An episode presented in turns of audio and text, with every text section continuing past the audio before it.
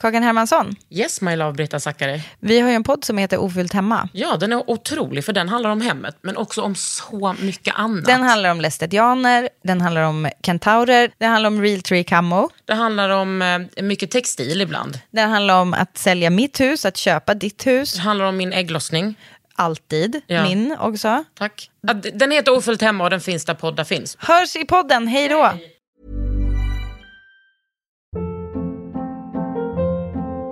Hold up. What was that? Boring. No flavor. That was as bad as those leftovers you ate all week. Kiki Palmer here, and it's time to say hello to something fresh and guilt-free. Hello Fresh. Jazz up dinner with pecan-crusted chicken or garlic butter shrimp scampi. Now that's music to my mouth. Hello Fresh. Let's get this dinner party started. Discover all the delicious possibilities at hellofresh.com.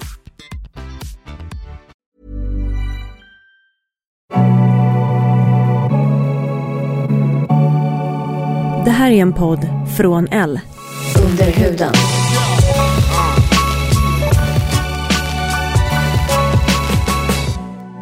Under huden. Med Kakan. Kakan Hermansson.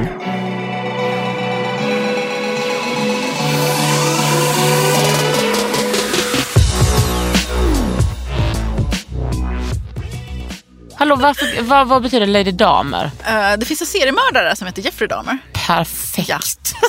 And I love him. Nej, men det gör jag inte. Men eh, jag gillar serier, eller jag gillar, det är så himla konstigt, så här, gillar seriemördare. Du är Bara, intresserad av seriemördare? Ja, precis. Jag är inte för seriemord. Nej.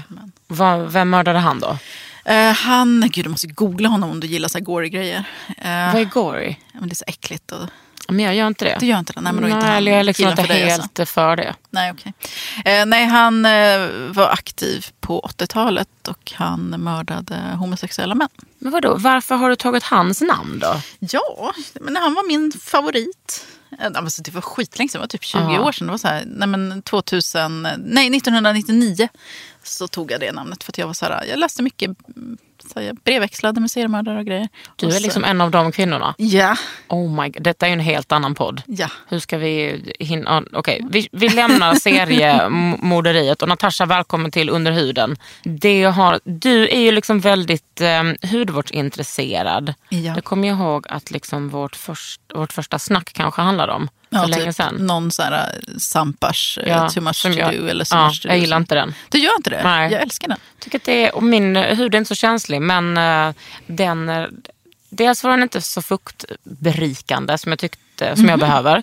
Sen var den kanske lite för mycket parfym för Ja, mig. parfymen, det är många minustecken för den. Kul dock att man ska pensla på. Mm, man Det sitter där så här. inte. Ja. Penslar. Men du, vi har ju, vad har du för relation till, till hudvård och beauty? Alltså jag är ju väldigt fåfäng så det är väl där det bottnar i. Eller fåfäng, få- jo men fåfäng och jag har mycket ångest kring att eh, jag har haft mycket ångest i alla fall kring att vara ful och inte vara rätt och inte vara perfekt och sånt där. Eh, Så att jag har alltid varit intresserad av hudvård när man var så yngre och satt och läste tidningar och snappade upp alla, alla tips. Framförallt alla så billiga tips. Typ skrubba dig med socker i duschen och sånt där. För att jag hade inga pengar att köpa grejer för. Liksom. Min mamma hade inga pengar. Eh, Så det är ett eh, konstant intresse i mitt liv som jag inte har gjort mig av med. Och hur ser det ut nu då när du är en vuxen kvinna och inte bara behöver skrubba dig med socker? Hur har det växt fram liksom? Ja, jag skrubbar mig fortfarande med socker, det gör jag. Men nu har jag ju pengar också, och är vuxen och har råd att köpa liksom, eh, lite bättre grejer. Så att nu köper jag, eller bättre skulle jag inte säga att de är, för att eh, jag tycker ofta att eh, naturliga saker är minst lika bra, eller ibland till och med bättre. Jag har till exempel aldrig hittat en skrubbkräm som är bättre än bikarbonat. Oj, oj, Eh, och då har oj. jag provat ganska många. Stor diskussionsstor om bikarbonat just nu i den Precis. stora gruppen Beauty and Bullshit. Ja, jag är inte medlem där, jag Nej, har nej, liksom nej, inte blivit insläppt. Det, är, ja, det var någon som postade om att det var så extremt dåligt att vi måste sluta använda det. Okej, varför var det då? Eh, tänkte den Ja, för personen. att det, var inte, det var inte bra för huden eller hårbotten. Eller, Ja, för håret är det inte bra Nej. faktiskt. För det torkar ut. Många använder det som, alltså man kan använda det i, schampo är också dåligt för håret. Liksom. Mm. Eh, Men man kan använda det i små mängder eller man ska säga. Inte så ofta, kanske inte varje tvätt, men man kan använda det ibland. Men för huden så torkar det inte ut på samma sätt. För att, ja. Men är det inte det att den har en annan pH? Eh, Det är väl lite det, men grejen är att när man kör det som hårtvätt då avslutar man alltid med äppelcidervinäger och äppelcidervinägern den eh, neutraliserar Eh, pH-balansen, återställer den så som den ska. Är det här no poo? Det är no poo. Vad är no poo för de som... Alltså jag vet ju inte det. Alltså det började ju, ingen skit betyder det väl nu, så att nu har ju folk blivit så här jätteanala. Jag äger ju den här, eller äger, jag startade den, den största svenska gruppen på Facebook som heter NoPo. Aha. Eh, det är min grupp, eh, den kan man ju leta rätt på om man vill.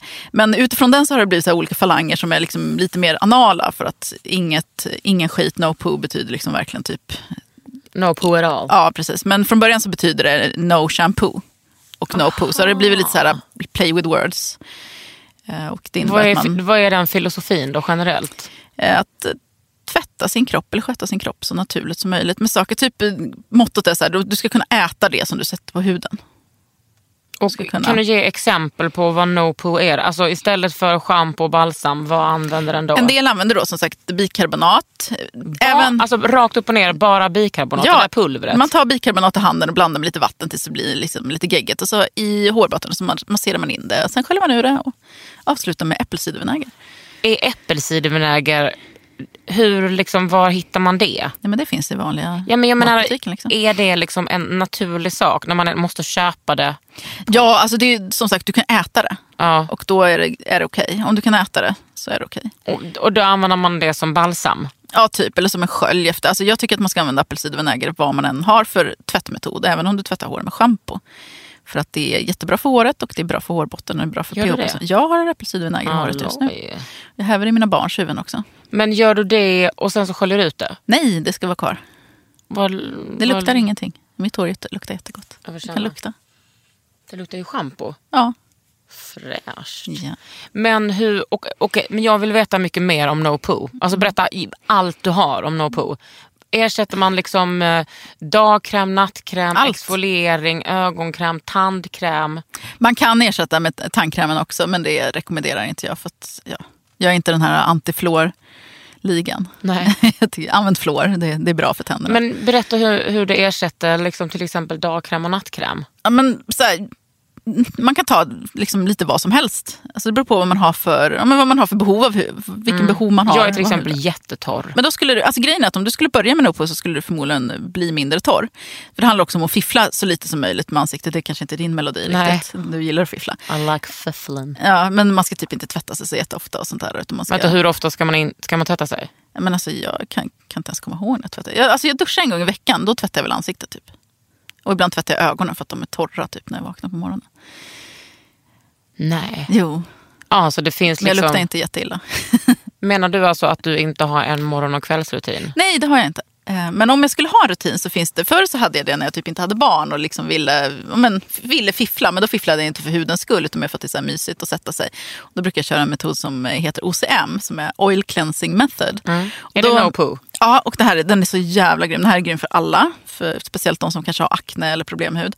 Eh, då blandar man resinolja med en annan olja. Då kan man välja olivolja eller rapsolja eller vad fasiken man vill. Men det är resinoljan som är Man grejen. går då direkt till köket och ser vad man har där. Ja, Mm. eller så har man de grejerna i badrummet. Så har Ja. jag. Ja.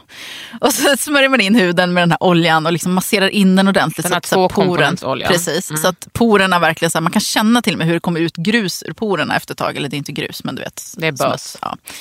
Eh, och sen ångar man ansiktet och så gör man det här ett par gånger. eh, Liksom, samtidigt, alltså under samma tvätt. Och efter det så kanske man eh, har behov av lite mer olja eller någonting. Och då kan man ta lite mer olja på huden. Eller så kan man ta lite aloe vera. Hur lång tid tar det? Alltså det kan ta en tio minuter, en halvtimme, det beror på. ju. Alltså, så först två stycken äh, oljor. Oljor, precis. Eh, masserar, Massera masserar, masserar. ja. Och sen så tar man och ångar. Ja, så Från- ångar man och torkar av med en handduk som är blöt. Mm. Och så eh, torkar man av igen ångar på nytt. Och så ångar man igen och så ångar man ett par gånger. Man applicerar inte på en... Nej, det behövs inte. Men man behöver ånga flera gånger. Och torka av. Ja, ja, ja. Och det blir, alltså, huden blir ju helt fantastisk. Sen så kan man göra det varje dag om man vill beroende på vad man har för problem med huden. och sen när du är klar med att ha ångat klart, ska du tillsätta någonting då? Om det finns behov. Jag brukar inte ha det för min hud är ganska otorr. Den är ganska bra. Men vad kan man eh, tillsätta då? Om Ja, det- lite mer olja eller lite aloe vera. Alltså jag brukar göra så här nattkräm där jag blandar eh, äppelcidervinäger och olivolja. Och jag blandar det direkt i handen. Man kan väl säkert blanda det i en burk också men jag gillar att göra det direkt så fräscht. Så blandar jag det i handen och så in på huden och sen när man vaknar på morgonen så är man så här... Och bebe. Ja, man har liksom blivit så här lite, nu, nu kommer det här låta jättefel, men man är lite ljusare. Men det, jag menar inte att det är bra att man är ljusare. Utan den liksom har så här, slätat till eller jämnat till hudtonen. Ja. Eh, Så att man liksom ser så här... Har du lite glow kanske? Ja men typ. Men äppelcidervinäger, det tänker jag fungerar som, alltså förlåt, en lekkvinna, som en peeling. Eh, nej. Men det funkar som... Är- Alltså man tror det. Man tror att det ska så här, typ fräta lite. Ja, men att det är Ja. någon slags syra i. Som... Ja, nej, det är typ tvärtom. Den så här mjukgör ju huden lugn. Alltså man kan ju vara allergisk och då blir man ju röd. Liksom, eller extra känslig och Mm. då kan man bli röd. Men det går ju över. Men annars är den så här mjukrörande. Eh, så här helt fantastisk. Jag använder den som ansiktsvatten också. Ta på en bomullstuss. Och... Men hur kom du in på det här med no poo? Ja, men jag var fattig. Jag växte upp. Jag hade inga pengar. Min mamma liksom var... Ja, men, vi växte upp i förorten. Mamma tjänade skitdåligt. Och jag levde på soc-bidrag sen när jag flyttade hemifrån. Eh, och det var liksom det. Jag hade inte råd att köpa hudkräm. Det var ju så här, typ mamma gick på affären och köpte det billigaste jävla tacky-kräm hon kunde hitta. Som typ bara gav en finnar istället. Eh, och så läste man tidningar, ja, men Veckorevyn och alla de här. Så kommer de ju alltid med något tips någon gång ibland. Det fanns ju inte internet på min tid. Men Din tid är nu också Natasha. Ja, ja kanske. kanske det. Eh, Nu finns det ju däremot mer information på internet så nu kan man ju söka mer tips. Ja, men skulle du liksom säga så. att det liksom är en, en politisk grej med no poo? För många är det det. Mm. Eh, Och det var så jag kom i kontakt med själva begreppet no Alltså jag har ju alltid kört oljesockerskrubbar och liksom gjort ansiktsmasker med gurkmeja och sådana grejer.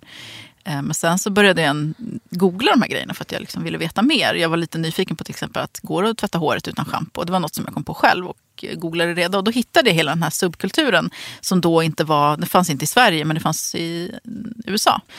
Och hittade massa olika forum som hette ju så här No Poo Forum eller ja, Frugal Forum som handlade om att spara, att vara miljömedveten, spara pengar och så vidare. Så det var absolut väldigt politiskt för väldigt många. Men hur, hur låter snacket på de här eh, sidorna? Är det främst en politisk eller liksom en ekonomisk? Inte för att det inte kan vara samma sak, men var, varför använder eh, folk mest no poo? På den sven- svenska No Poo-scenen, eller vad man ska säga, där är det väl mer, handlar det väl mest om fåfänga tror jag. Faktiskt. Egentligen, Fåfänga hur då? Men får, man får finare hud, man får finare hår och, och sådär. För det får man ju. Men vad är det liksom för folk som... Det är ju bara kvinnor. Ja, men vad är det för folk som är intresserade av no poo, tänker jag. Liksom. Det är ju inte...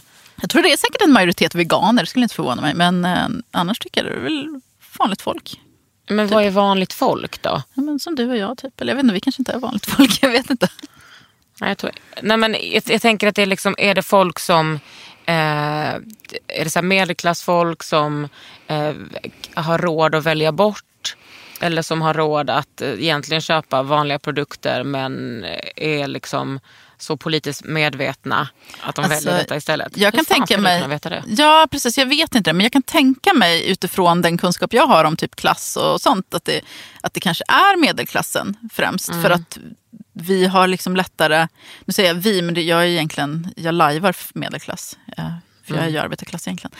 Men jag tänker att då har man tillgång till kanske mer kunskap än Mm. vad man har om man är arbetarklass. Arbetarklassen försöker liksom mest överleva medan medelklassen kanske har liksom lite mer tid över att grotta ner sig i, Mm. i såna här... Sen tänker jag att det grejer. där, i och med the internet så är de, just vissa gränser är väldigt utsuddade. Mm. Eh, är de när det kommer till liksom information och val om sånt där. Det är väl mer att medelklassen vet att de kan söka information. Även om informationen finns tillgänglig för alla så är det ju lättare för eh, vissa grupper att eh, liksom, veta helt enkelt att hit ska jag. Jag var ju som sagt väldigt fåfäng när jag växte upp och jag har alltid varit det. Jag var väldigt orolig för om jag var ful eller fin. Så att mitt intresse har alltid varit att hur kan jag bli snyggare? Så då har det varit naturligt för mig att... Hade du finnar då när du var ung? Inte mer än någon annan. Alltså jag har nog alltid haft ganska bra hud. Men vad var du orolig för? Ja, att något skulle vara på snedda. Liksom. Mm. Att man hade en finne. Eller... Men så att har du, sen du var liten, har du kört no poo Ja. all through? Bra rim. Nej, jag har nog kört schampo. Det har jag gjort. Men jag har, när det gäller hudkrämer och eh, liksom ansiktsvård och sånt så har jag bara kört. Men sen har du ju också rekommenderat den där Sampar. Ja, för att jag började ju få pengar och tillgången till internet så började folk liksom nu när man börjar bli lite gammal då och folk börjar rekommendera syror och man börjar se. Ja. Tidigare har jag verkligen kört no på och bara nej men no, jag, är så, jag har så snygg hud ändå. Sen Ja. helt plötsligt speglar man sig och så bara vad i helvete har hänt? Så man åldras, det var typ sen man fick barn så man åldras tio år på två år. Och då börjar man bli så lite stressad och lite oj. Så att, det kanske är värt att pröva de här syrorna ändå. Sen så har jag typ älskat Men dem. kan man ersätta syror med no poo-syror? Ja men det kan man faktiskt. Vad gör man? Liksom pressar man ett äpple då och lägger äpple på huden? Det har jag aldrig provat. kanske jag ska göra. Nej, det finns en jättebra ansiktsmask som man kan göra som man gör med aspirin. Och då krossar man de här små tabletterna aspirinen. Det måste vara aspirin, det kan inte vara Treo. Utan det ska vara aspirin med Det är världens mest kända DIY-mask. Ja men precis, det är acetylsalicylsyra. Och så mixar man den tillsammans med lite gräddfil. För gräddfilen innehåller BHA-syra. Medan acetylsalicylsyran är väl AHA tror jag. Eller om det var tvärtom. Eh, Men när man mixar dem ihop så blir det en jättebra, så här, kompon- de, det är två komponents. Men då undrar jag, aspirin, är det no poo? Det är ju liksom ändå en medicin som man sköljer av. Och som en del tycker ut nog inte att det är no poo. Eh, Det är väl mer att där är det no poo för att du kan ju äta aspirin. Alltså, I princip, man kan ju äta vad som helst. Det Sen kan man ju för sig. Man kan ju äta för bajs. Ja, vad det får för konsekvenser är ju... Ja. Ja. Nej men det är väl kanske inte no poo. Utan det är, men jag tycker att no poo går in lite i det här gör det själv. Ja. Är det någonting du skulle... Eh, uppmuntrar du ofta det?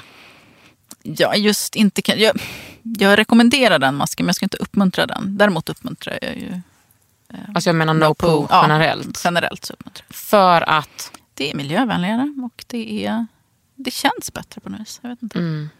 Nu känner jag mig väldigt dålig som håller på med produkter till höger och vänster. Det gör jag också. Jag brukar gömma dem ibland när det kommer hem folk till mig.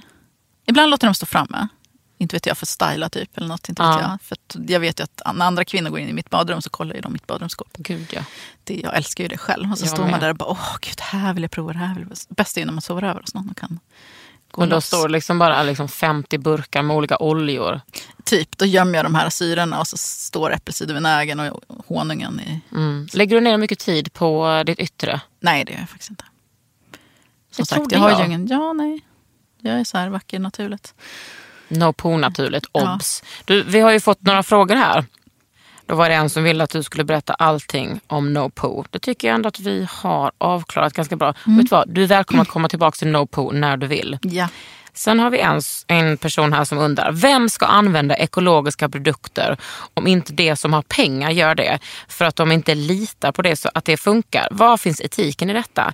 Världens hav går under medan rika människor inte vågar riskera att deras hud behåller fräschören och därför fortsätter konsumera produkter som testas på djur och som dödar djur.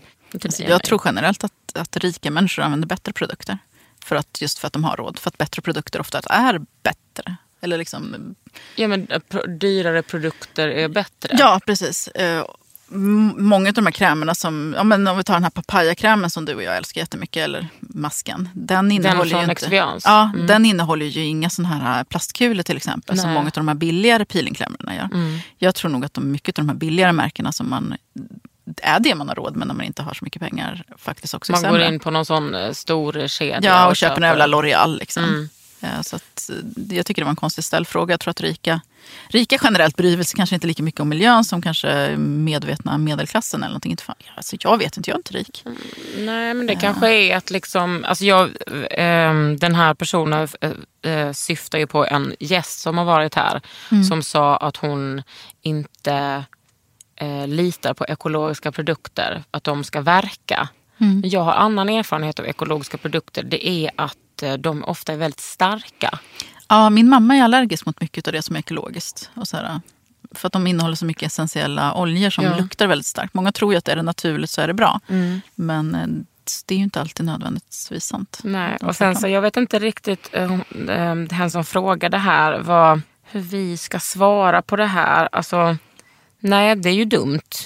Vem ska använda ekologiska produkter om inte de som har pengar gör det? Jag vet också många som inte har pengar men som, eh, som lägger sina pengar på just det. Ja, eller ska man köra då no poo? Mm. För att det är ju så ekologiskt som det går att bli. Sen är det ju också, alltså hela den där ekologiska marknaden är ju verkligen en djungel. Många, alltså i, i Sverige och i Europa har vi eh, mycket lagar om hur man liksom märker produkter. Men det är också så att man kan fronta med att säga att det här är en ekologisk produkt, så är det bara 5 Där tycker jag Nils gör det väldigt bra för de, på deras, de är väl transparenta och på deras produkter så står det exakt hur många procent eh, av ingredienserna som är ekologiska. Mm, Det är ju bra.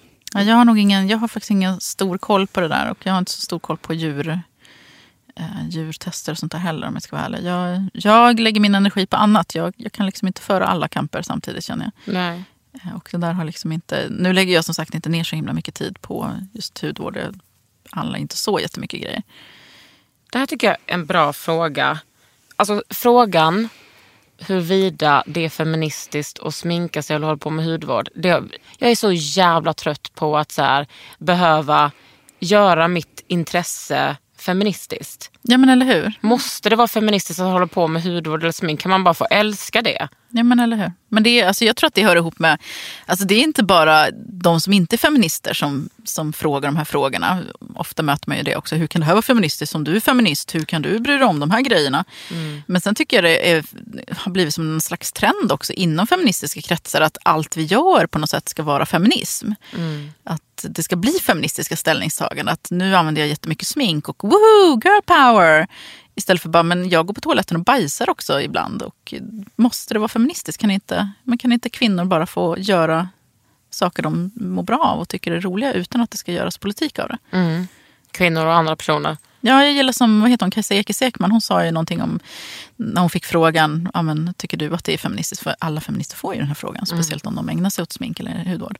Och då sa hon, nej det är verkligen inte ett dugg feministiskt. Det gör jag för att vara snygg. Och alla andra som säger något annat ljuger. Mm, sen så har jag också Ekis eh, den sjukaste statusen i, så här, i feministkretsar. Hon, har, hon är ju liksom guden, eller i alla fall Ja, för, eh, för väldigt många med all rätt. Men eh, jag tycker att det här är en bra fråga. Hur är det att vara typiskt feministisk och hålla på med hudvård? Vad finns det för fördomar? Ja, men fördomen är väl men det är ju det här liksom att om, man- om man är så... Jag märker ofta att jag får, inte bara just den frågan, men många olika frågor kring hur jag lever och hur jag är och hur jag liksom resonerar och det jag gör. Att om du är feminist, varför gör du på det här sättet? Ungefär som att eh, när man är feminist så ska man leva i någon slags eh, postpatriarkal illusion. Att då ska man ha frigjort sig från allting. Då ska man liksom inte vara påverkad av normer. Och man ska, Ska inte ha ätstörningar? Nej, absolut inte. Herregud, vad är det för feminism? feminist? Liksom? Eh, Man får inte bry sig om sitt utseende, man får inte raka sig, man får inte sminka sig, man får inte... Liksom... Man ska ha stått över och framförallt så ska ju feminister ta ansvar för allting. Precis. Den goa dubbla bestraffningen. Ja, Ett genomgående kvinnohat som även drabbar våra kretsar. Där man liksom... Men gud ja. Speciellt om man är så här uh, offentlig feminist så märker jag att många andra feminister som kanske ser upp till en lite gärna vill att man ska vara perfekt, alltså den perfekta feministen. Jag tror att det kanske handlar om att de att om man är den perfekta feministen, om jag är den här som är frigjord från alla eh, normer och eh, frigjort mig från det patriarkala förtrycket. Fast jag måste ju också vara snygg och lyckad. För att annars, Ja, annars så- ja. Men jag tror att det väcker kanske hoppet om att de en dag ska nå dit. Ja, om jag då sitter där på pedestalen och bara är ful och mår dåligt över det och kanske inte tjänar några pengar och kanske sminkar mig för att jag är orolig för att jag börjar se gammal ut. Då förlorar de hoppet för att då är det så här, finns det ju ingen väg ut. Nej, och jag, det är också, tror jag, liksom... eh, Eller jag uppfattar det så att diskussionen kring huruvida det är feministiskt att sminka sig och, och liksom ägna sig åt hudvård, det ska legitimera andra feministers konsumtion av det här. Ja. Alltså, bara gör det. Ja men Om precis, vill. fan sluta be om ursäkt för allt ni gör. Man kan inte vara perfekt hela tiden. Man kan inte, alltså, allt kan inte vara politik eller? feminist? Nej, och hela vardagen kan inte vara politisk. Är, man orkar inte. Aj, vet vad jag kollade av mig igår kväll utan att tvätta mig. Det var så jävla skönt. Och sen vad jag gjorde i morse. Jag sov över hos en kompis i natt. Då kollade jag mig i spegeln. Då tog jag bara lite oljeserum från Elemis. Sen tog jag lite dagkräm. Sen gick jag till jobbet. Så här under, det här frodas det. Här är det så mycket dag och natt kvar. Och det tycker jag är lite skönt. Jag, tycker, jag har varit så jävla manisk när det kommer till min hudvård. Jag tycker liksom att det är lite skönt att släppa på det. Mm, men det är det som jag har jobbat väldigt mycket för. Just för att jag har varit manisk sen jag var liten. Alltså sen var, jag stod och smörjde mig liksom när jag var tio år och var orolig för att jag skulle bli ful och finnig och fel. Ja, jag var aldrig orolig. Jag var ful och finnig. ja, då, kan, jag vet inte, är det enklare då? Är det svårare då? Nej, då var det bara liksom...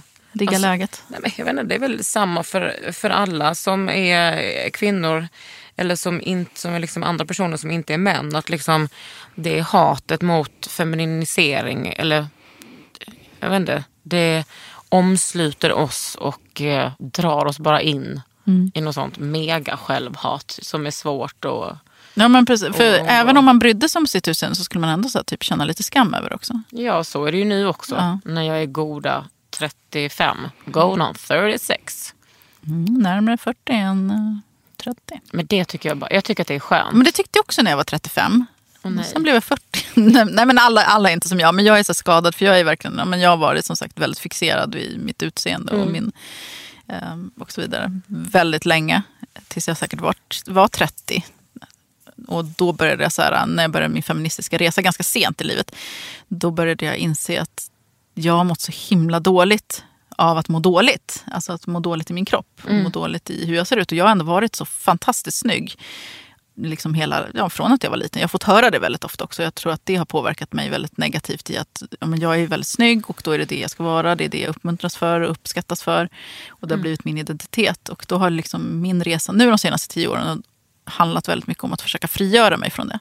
Att kanske sluta bry mig om mitt utseende. Det är därför jag slutat raka mig och slutat sminka mig och slutat med alla de grejerna. Hur blev du feminist? Alltså det var en sån här process tror jag. För jag, det var liksom inte så från den ena dagen till andra dagen. Jag har så vissa minnen av att jag har typ funderat över vissa frågor. Och vid ett tillfälle sa jag till min, mitt ex, han misshandlade mig psykiskt och fysiskt. Så sa jag till honom att jag var feminist. Jag vet inte om jag sa det för att jag var det. Eller för att provocera honom, för han blev jättearg. Och jag, men jag kommer ihåg att jag sa det, jag kommer inte ihåg varför. Men jag tror att där någonstans, Hur länge sedan var detta? eh, jag dumpade hans sorry ass 2013. Så det var... Nej, förlåt. 2003. Eh, 2003, Ja, ja, förlåt! ja, ja. Förlåt Oscar, jag har inte varit otrogen alla dessa år. Nej, precis. Jag körde en parallellt. Jag födde också några barn. Men min... Nej, dina barn är dina barn Oscar. Och sen blev du feminist. Har det varit eh, jobbigt eller skönt? Jobbigt. Ibland önskar jag att jag kunde gå tillbaka i bubblan. Jag med. Alltså, Nu gick jag ju in i feministbubblan eh, när jag var extremt ung, typ 11. Eh, Som mina barn nu. ja, ja, men de har ju inget val. Klart Ja. de blir fem- feminister. Nej, men jag, eh, jag önskar ibland så himla mycket att jag, att jag inte hade några politiska analyser. Att jag bara, åh, en väska och ett läppstift. Och det var mina enda intressen. Nej, men precis. Det skulle vara så skönt. Men samtidigt så mådde jag ju väldigt dåligt i den världen också. Men det var väl det att jag inte förstod varför. Och, och det fanns enkla så quick fixes. Eh, för mig var det så här, jag fick ett tips av min grekiska faster. Om du känner dig lite låg så ska du sminka dig snyggt, klä dig sexigt och så går du ut på stan. Och det var liksom min quick fix för allting. För jag, som sagt, jag var ju väldigt snygg också. Så att, gjorde jag det, då fick jag väldigt, väldigt mycket manlig bekräftelse. Och eh, det fick mig att må bra för stunden. Men så tycker jag att, eh, att vi har väldigt många feministiska strategier som ser ut så idag. Ja, och det tycker jag behöver problematiseras och därför blir det den här eviga jävla diskussionen om, jag vet inte om du såg på Instagram, det var en, en kompis till mig som myntade begreppet glitterfeminist och det var för att hon var så jävla trött på att det liksom det feministiska samtalet handlade om just huruvida det är feministiskt eller inte att ha läppstift och smink. Eh, och eh, alla feminister som liksom lyfter upp det till någon slags, ja, men, en strategi. Mm. Det får mig att må bra, därför är det feministiskt. Men så är det ju inte. Alltså, det är ju jättemycket saker som kan få dig att må bra. En del mår jättebra av att suga liksom tio kukar. Eh, Och det får de väl göra. Vad fan vad bra det Ja, är. ja, förlåt, ja, men Ja, men det är ing, inget skamma, skammande så på de som vad gör det. menar men- du med tio kukar? Tio kukar på ett år eller på... Nej men typ på en vecka, inte fasiken vet jag, jag bara slänger till med någonting här. Mm. Men att man kan må bra av att göra saker som gör patriarkatet väldigt lyckligt. Jag, Mm. jag skrev också på min Instagram vid något tillfälle då folk blev arga. Att om eh, patriarkatet runkar så är din strategi kanske inte sådär jättebra. Eh, Men då var det en del som menade att ska vi förhålla oss till vad männen tycker? Om de, bara för att de tycker att jag är jättesexig när jag dansar här med min rumpa i fokus och eh, sminkar mig och klär mig sexigt. Så det är, ja, feminismen handlar väl om att frigöra sig från de här, jo men alltså vi är fortfarande inte i det här post- postpatriarkala samhället än, så vi måste förhålla oss till vad männen tycker för att det är det feminismen handlar om. Sen tycker jag också att olika kvinnor har olika utgångspunkter eller olika utgångslägen såklart. Jag menar många har hittat till feminismen via kanske skönhet och beauty och hittat sig själv där. Ja. Eh, Alla är inte lika privilegierade som mig som startade så jävla tidigt. Som har haft. Jag är väldigt självsäker i min feminism. Det är ju liksom min största identitet. Men alla hittar ju liksom sin, sin strategi på olika sätt. Ja, och då tycker jag absolut att det kan vara en bra... Alltså jag tycker feminism be, be, behövs i olika former av feminism för olika, ja, men för olika människor. För alla har ju inte liksom 100% den fullkomliga analysen när de kliver in. Jag hittade ju också till feminismen via så enkla knep. Ja. Inte just skönhet då, utan där var det mer i ifrågasättandet av skönhet. Att till exempel sluta raka sig. Mm. Och då minns jag att jag mötte ju jättemycket såna här elitistiska feminister som bara, "Ah, ja men vi slutade raka oss på 70-talet lilla gumman. Och det, är så här, det är klart att man måste tillåta den här enklare feminismen också för att eh, liksom, välkomna in andra människor som är mindre privilegierade. Men sen måste man ju fortsätta därifrån. Det blir så konstigt när ändå ganska så medvetna feminister framhåller liksom patriarkala strukturer som någon slags strategi för att komma framåt. Det kan vara en strategi för att just nu så orkar inte jag ta hand om liksom hela skiten utan just nu vill jag bara sitta här med mitt jävla läppstift och må bra. Absolut, men sen då? Måste vidare på Tycker du att man kan ställa de kraven på kvinnor? Inte på enskilda kvinnor, men på feminismen som vi gör tillsammans. För vi gör ju den tillsammans. Eh, Däremot så vill jag absolut inte ha några krav på enskilda. Det, det tycker jag att det måste vi absolut sluta med. För att enskilda personer har ju sin... Alltså jag vet ju inte vad, vad du har för resa eller vad du, har liksom, var du kommer ifrån, vad du har framför dig, vilka problem du har i din vardag. Eh, en del liksom har ju fullt upp med att bara inte ta livet av sig. Så det, man får sänka, jag tycker vi ska sänka kraven liksom helt. Ja men verkligen. Det är ju verkligen så där att eh, alla personer har någon slags överlevnadsstrategi. Mm. Och där, ibland behöver man inte gå in riktigt och rota där. Men det är klart att, eller jag tycker ofta som, så som det ser ut med feminismen idag. Att många feminister är vana vid att aldrig bli lyssnade på. De enda som lyssnar på sig är andra feminister och därför sker liksom kritiken mot varann istället för kanske utåt. Mm. Under. Millions of people have lost weight with personalized plans from Noom, like Evan, who can't stand salads and still lost 50 pounds. Salads, generally, for most people, are the easy button, right? For me, that wasn't an option. I never really was a salad guy. That's just not who I am. But Noom worked for me. Get your personalized plan today at Noom.com. Real Noom user compensated to provide their story. In four weeks, the typical Noom user can expect to lose one to two pounds per week. Individual results may vary. Ever catch yourself eating the same flavorless dinner three days in a row? Dreaming of something better? Well, HelloFresh is your guilt-free dream come true, baby. It's me, Kiki Palmer. Let's wake up those taste buds with hot, juicy pecan-crusted chicken or garlic butter shrimp scampi. Mm. Hello Fresh. Stop dreaming of all the delicious possibilities and dig in at HelloFresh.com. Let's get this dinner party started.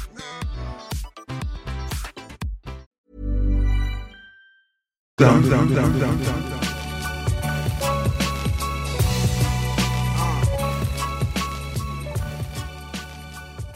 Det är en som, som undrar här eh, vad du känner för smink och varför du har slutat använda det. Ja, men det är ju lite det att jag har varit, som jag sa tidigare, jag har varit så himla fixerad vid mitt utseende och det har bara dragit mig. Alltså ju mer jag gör saker med mitt utseende, om jag rakar mig, om jag sminkar mig, desto mer tänker jag på mitt utseende. Och då blir det, alltså det blir en, det äter upp mig väldigt mycket. Jag, mår, jag vet inte om det är så feministiskt i sig så, men jag Men vill... nu har vi ju kommit överens om att allt som vi gör behöver inte vara feministiskt. Nej, precis. Eh, där handlar det nog mer om just, jag är också väldigt engagerad i så här, kroppspositivitetsrörelsen. Som inte alltid behöver, det är ju feministiskt för mig, men det behöver ju inte alltid vara det. Jag menar, man kan ju vara kroppspositiv utan att vara feminist.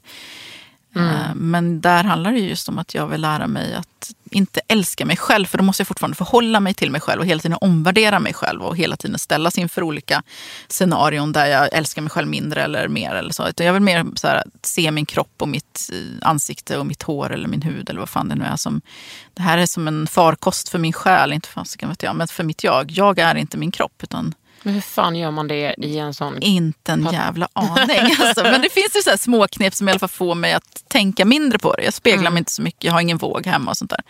Eh, Och jag undviker smink och sånt där. För jag märker ju att om jag har använt underlagskräm ett par dagar så tycker jag att det jag ser i spegeln utan underlagskrämen är så jävla skit så att jag faktiskt mår liksom psykiskt dåligt av det. Jag vet ju att ingen annan, alltså rent intellektuellt så förstår jag att ingen annan kommer bry sig.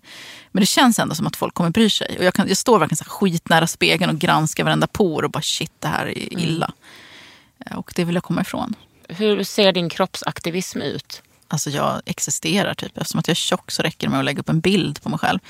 Eh, Men jag har ju tagit det längre än så. Det var ju så jag upptäckte så här kroppspositivitetsrörelsen och eh, rörelsen och förtrycket mot tjocka. Jag är ju så ganska nytjock. Jag har ju varit smal hela livet. Så jag har liksom dels bärt på väldigt mycket så här internaliserat eh, tjockhat. För alla hatar tjocka människor. Även tjocka människor hatar tjocka människor. Så att jag upptäckte väl det i samband med att jag också varit offentlig feminist. Att folk reagerar så här helt absurt. Jag kunde typ posta en bild på mig själv när jag satt i ja, men kanske tajta kläder eller åt en bulle. Och så fick jag liksom kommentarer helt plötsligt om ja, men du kanske inte ska äta den där eller du ska inte förespråka fetma. Fast jag bara typ existerade. Så nu har jag tagit det ett steg längre. Nu provocerar jag ju medvetet. Jag använder min kropp som ett verktyg för att provocera fram tjockhat för att synliggöra det. Hur orkar du det då? Ja, det, ja, jag tar inte så illa vid mig längre. Jag vet att jag är tjock och typ, nu, nu vet jag ju att jag har ge- genetiken på min sida och är kanske inte så jätteful. Men jag identifierar mig ändå som ful. Jag vet att jag är tjockful och jag har gillat det läget för det mesta. Ibland kan jag bli ledsen när det kommer typ oprovocerat vid lägen då jag absolut inte hade förväntat mig. Men just när jag förväntar mig att nu kommer folk reagera, då är jag ju beredd på det. Och ja, det är ju bara min kropp. Liksom. Jag vet ju att deras tjockhat har ingenting med mig att göra. Det är ju deras problem. Liksom. Jag är ju, har ju varit tjock hela mitt liv och det är ju verkligen någon, alltså, det har jag ju sagt tidigare också att allt, allt hat som jag får det handlar 99% om att jag är tjock. Alltså när jag får hat oavsett om det handlar om eh, alltså människor som är besvikna på mig eller arga på mig eller hatar mig för att jag har sagt någonting. Eller bara så fort jag dyker upp någonstans. Då handlar det alltid om att jag är äcklig och tjock. Eller så äcklig för att jag är tjock. Ja, folk blir förbannade när man är tjock. Men det tycker jag är liksom, alltså så här, fat shaming. Det, liksom, eller den analysen är någonting som, är, eh, som jag saknar väldigt mycket i feminismen. Ja. Att det är så här, få erkänn, det är så himla eh, normaliserat med ätstörningar. Och få erkänner att, så här, att vara smal är det viktigaste som finns. Punkt slut. Det är liksom inte ens en diskussion vi för. Men bara att erkänna att det finns ett förtryck mot tjocka är väldigt provocerande inom feministiska kretsar. Alltså jag har ju på min Instagram, nu har jag typ plockat bort hälften, men ofta mött när jag har lyft liksom, problemet att tjocka förtrycks. Det här är ett förtryck som är på riktigt. Vi får sämre sjukvård. Vi är den grupp som diskrimineras mest på arbetsmarknaden just nu. Folk blir så jävla provocerade. Jag kommer ihåg att det var någon som frågade, jämför du verkligen tjockas förtryck med förtrycket mot svarta eller förtrycket mot Men transpersoner? är vi verkligen, för, är, diskrimineras vi mer än rasifierade på På arbetsmarknaden? arbetsmarknaden, ja, i Sverige. Mer, alltså, mer än människor som har liksom, utländska efternamn. Ja, faktiskt. Alltså det finns forskning på det, men jag har ju inte en länken i huvudet så. Det går att Det googla jag fram. så himla svårt att tro. Ja, jag med, men det är på med riktigt. tanke på att man så här, ofta söker med namn innan man söker med... Ja, jag personligen har aldrig blivit diskriminerad som vitt jag vet utifrån min vikt när jag har sökt jobb. Utan där har det varit mitt efternamn som har varit problemet. Mm. Eh, Men eh, enligt forskning så är det så det ser ut just idag. Mm. Kanske inte för tio år sedan, men just idag i alla fall. Eh, Sen är det väl liksom fortfarande ganska kraftig diskriminering av människor som är dels svarta och har eh, utländska efternamn. Som inte heter Hermansson. Precis, eller som jag, jag hette som Assi när jag bytte efternamn. Då fick jag inga jobb. Eller jag fick inte komma på några intervjuer ens. Alltså, jag skulle nog inte riktigt kalla mig för, eh, för kroppsaktivist. Skulle du kalla mig det? Nej, alltså jag kallar mig helst inte själv det. Alltså det är något som har lagts på mig på något vis. Att jag har porträtterar inte det. mig själv riktigt så som, som du porträtterar dig själv. Nej, du använder inte din kropp eller din övervikt på det sättet heller. Alltså, Alltså Du jag gör väl är. det men inte på det. Alltså jag gör väl det genom att ta plats. Alltså, ja, du finns och du tar plats, men du Ja. här, ställer inte och klär av dig och visar valkarna och liksom, Nej. här står jag och äter en bulle, hehe. Och så gör jag lite. jag kan inte... Jag tycker att, att vara kroppsaktivist i den här kroppen. Jag känner mig för privilegierad för att köra den kampen. Liksom. Men däremot så tror jag att jag kan inspirera många genom att, att det syns. Till exempel att jag syns på tv. Ja. För i tv-världen är ju typ alla kvinnor smala. Ja, Glada men precis. och straighta. Ja, men så tror jag också att mycket av den alltså, kroppspositiva rörelsen skulle kunna... Jag vill gärna kliva bort från det här att klä av sig naken för att visa att man duger, vilket är så jävla patriarkalt också.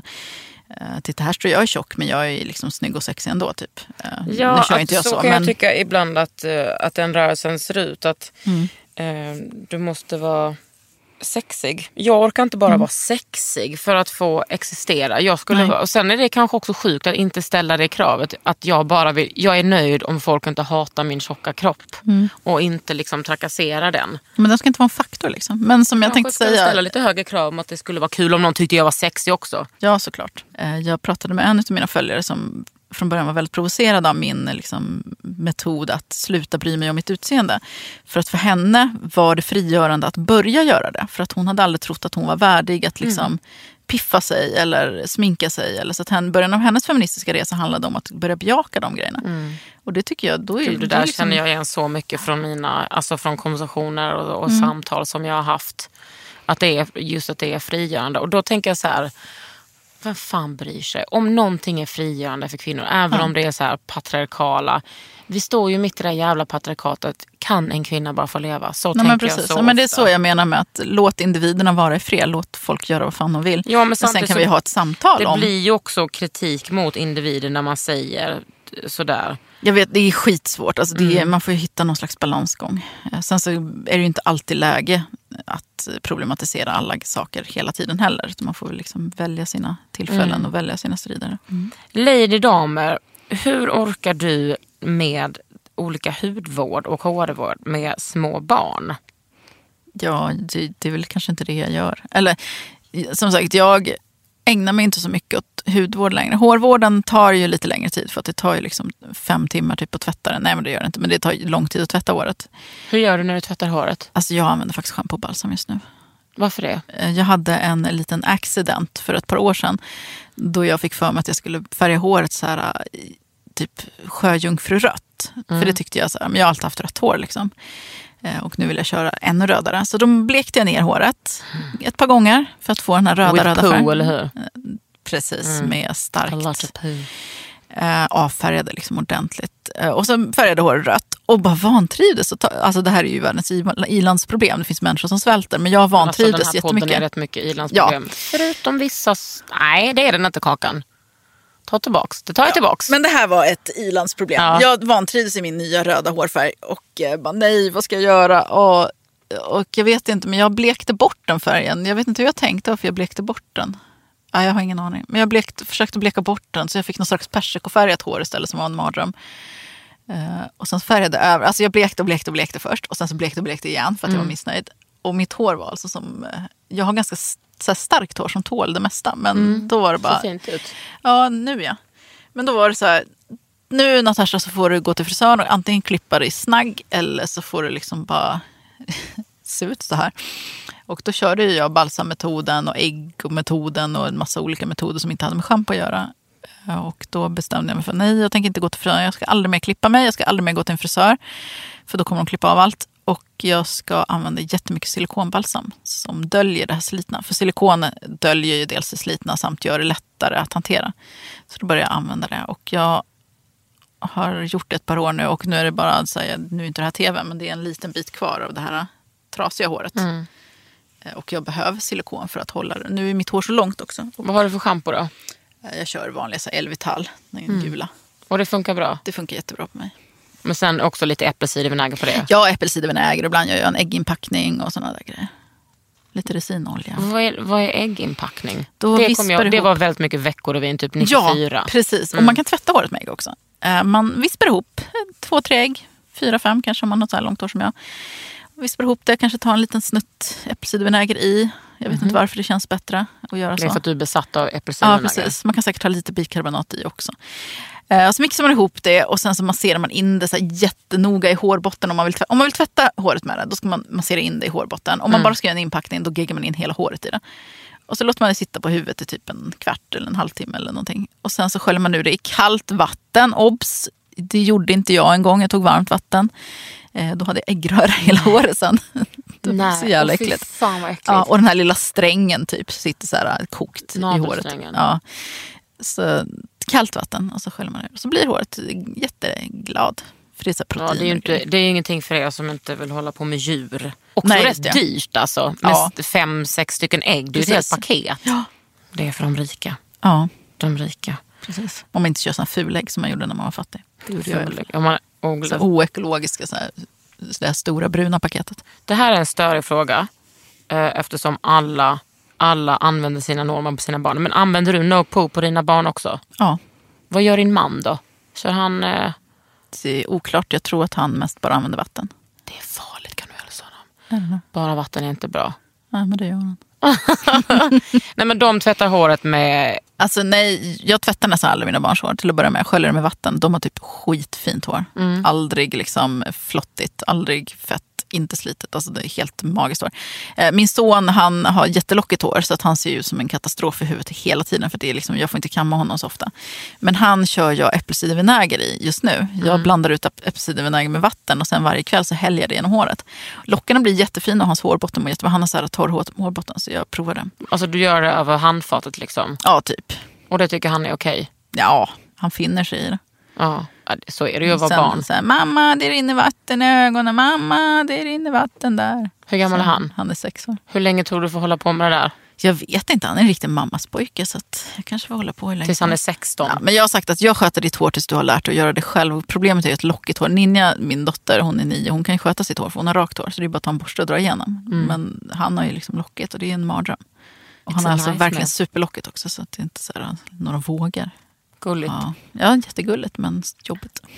Eh, Men du går inte på ansiktsbehandling och sånt där va? Nej, men det är mer en ekonomisk fråga för det är ganska dyrt. Jag skulle faktiskt vilja göra det oftare. Mm. För att jag är fåfäng och för att det är mysigt. Hur har du gått den, den, den- här resan från att vara superfåfäng och hålla på att sminka sig och hålla på med ditt utseende. Hur har det gått när du har avvecklat det? Känner Jag- du att du mår bättre Ja, det gör jag. Men det har varit steg för steg. Jag började med att sluta raka mig. Ja. under armarna? Ja, på benen under armarna. Ja. Och det var ju så här, då slutade jag inte bara raka mig tvärt utan det var så här, jag höll det kortklippt i början. Mm. Och sen så tog det flera år innan jag faktiskt vågade visa mig utan byxor och liksom framför folk.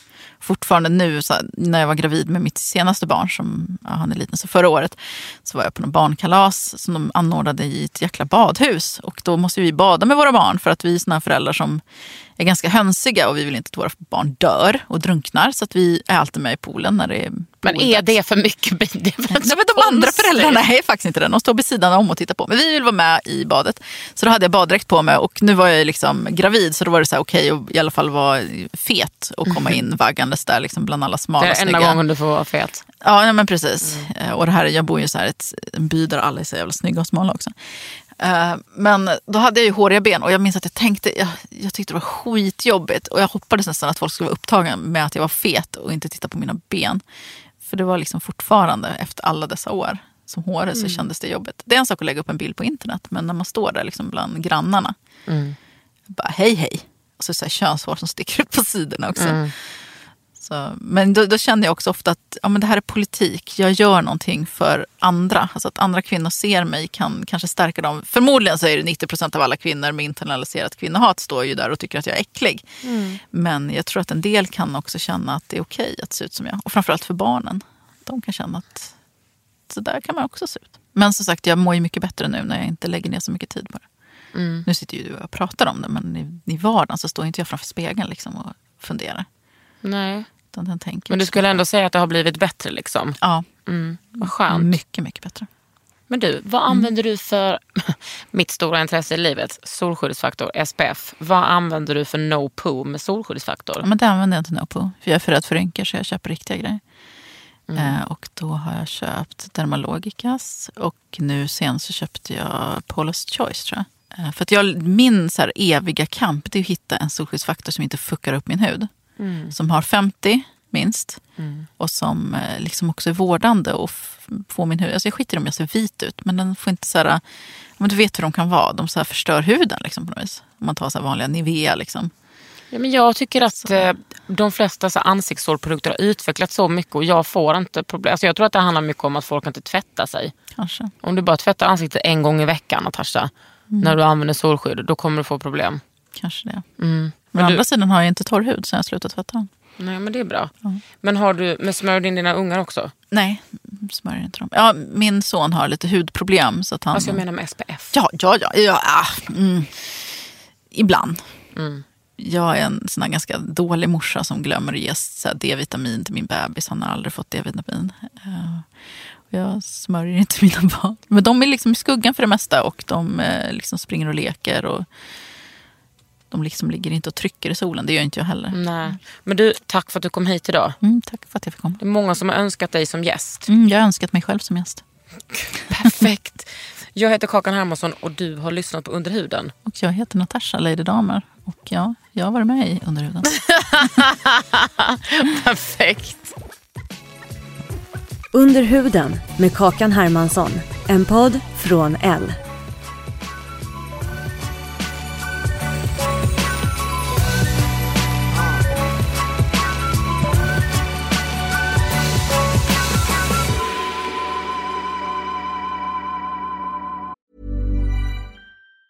Hi, I'm Daniel, founder of Pretty Litter. Did you know cats tend to hide symptoms of sickness and pain? I learned this the hard way after losing my cat, Gingy. So I created Pretty Litter, a health monitoring litter that helps detect early signs of illness by changing colors, saving you money and potentially your cat's life. Pretty Litter is veterinarian developed, and it's the easiest way to keep tabs on your fur baby's health right at home. Go to prettylitter.com and use code ACAST for 20% off your first order and a free cat toy. Terms and conditions apply. See site for details. Ever catch yourself eating the same flavorless dinner three days in a row?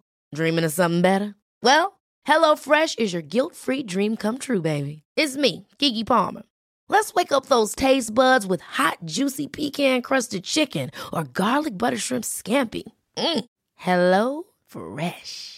Stop dreaming of all the delicious possibilities and dig in at HelloFresh.com. Let's get this dinner party started.